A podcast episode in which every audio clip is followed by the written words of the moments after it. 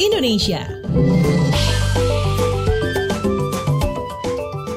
Waktunya kita keliling Indonesia di WhatsApp Indonesia. Kita mulai dari Solo, Jawa Tengah. Praktisi UNS desak Pemkot Solo berlakukan hukuman bagi pelanggar protokol kesehatan.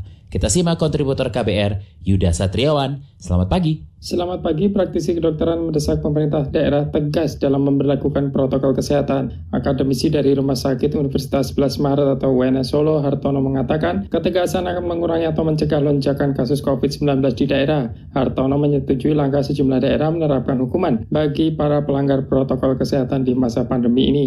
Kasus COVID-19 di daerah menunjukkan lonjakan jumlahnya. Di Solo sebulan lalu hanya 1-3 kasus per hari atau bahkan per minggu. Kini melonjak hingga 20 kasus per hari. Kondisi serupa juga terjadi di kabupaten sekitar Solo, antara lain Wonogiri, Sukoharjo, Klaten, Karanganyar, Sragen, hingga Boyolali. Solo saat ini masih zona merah, sedangkan enam kabupaten sekitarnya masih zona oranye dan kuning. Jawa Tengah juga menyumbang angka kasus COVID-19 tingkat nasional di lima besar, setelah Jawa Timur, DKI Jakarta, dan Jawa Barat. Dari Solo, Jawa Tengah, Yuda Satriawan, KBR. Masih dari Jawa Tengah, kekerasan terhadap perempuan di Jawa Tengah meningkat selama pandemi COVID-19. Kita simak kontributor KBR Aninda Putri. Selamat pagi. Selamat pagi. Kasus kekerasan terhadap perempuan di Jawa Tengah terus meningkat selama pandemi COVID-19 berdasarkan data Liga Resource Center untuk Keadilan Gender dan Hak Asasi Manusia atau LRTKJH sejak Maret hingga Juli 2020 tercatat 33 kasus laporan yang masuk. Di antaranya kekerasan dalam rumah tangga atau KDRT 12 kasus, pelecehan seksual 11 kasus, dan perbudakan seksual 9 kasus. Divisi Bantuan Hukum KJH Meleni Rizciani menyebut perempuan masih rentan menjadi korban kekerasan baik secara seksual, fisik, maupun emosional dengan pelaku berasal dari orang terdekat seperti keluarga, suami, atau pacar.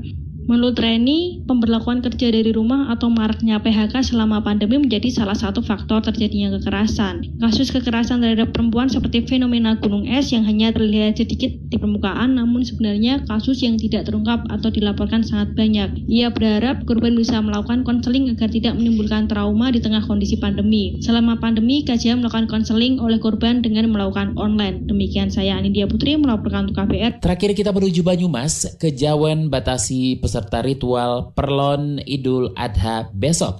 Kita simak kontributor KBR Muhammad Ridlo. Selamat pagi. Selamat pagi. Penganut Kejawen di Desa Pekuncan, Kecamatan Jatilawang, Kabupaten Banyumas, Jawa Tengah membatasi peserta tradisi Idul Adha Perlon besok Kamis. Hal itu dilakukan untuk mengantisipasi penyebaran COVID-19. Kejawen di Pekuncan memang baru melakukan pemotongan hewan kurban atau perlon pada Kamis Wage dan Jumat Kliwon. Juru bicara komunitas adat Banokeling Sumitro mengatakan dalam tradisi perlon tersebut pihaknya membatasi jumlah peserta lantaran pandemi COVID-19.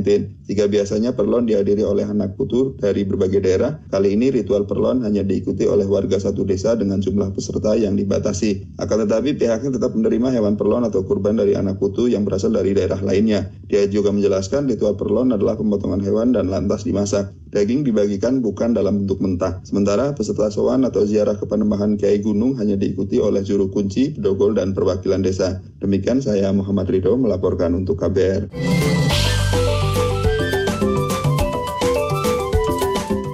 WhatsApp Indonesia.